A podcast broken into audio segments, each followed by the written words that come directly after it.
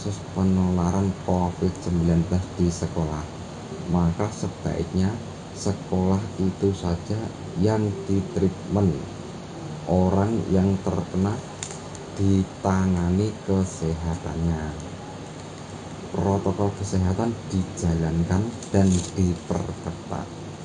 Sekolah merupakan pelayanan publik sama seperti pasar mall atau perkantoran. Misalnya pedagang pasar Jatingaleh di Semarang.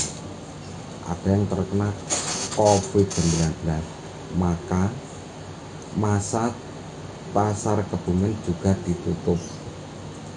Seperti itu juga sekolah. Jangan dikambing hitamkan. Dan sudah saatnya PTM ditambah dalam kegiatan ngobrol santai tersebut menghadirkan Ketua Dewan Pendidikan Provinsi Jateng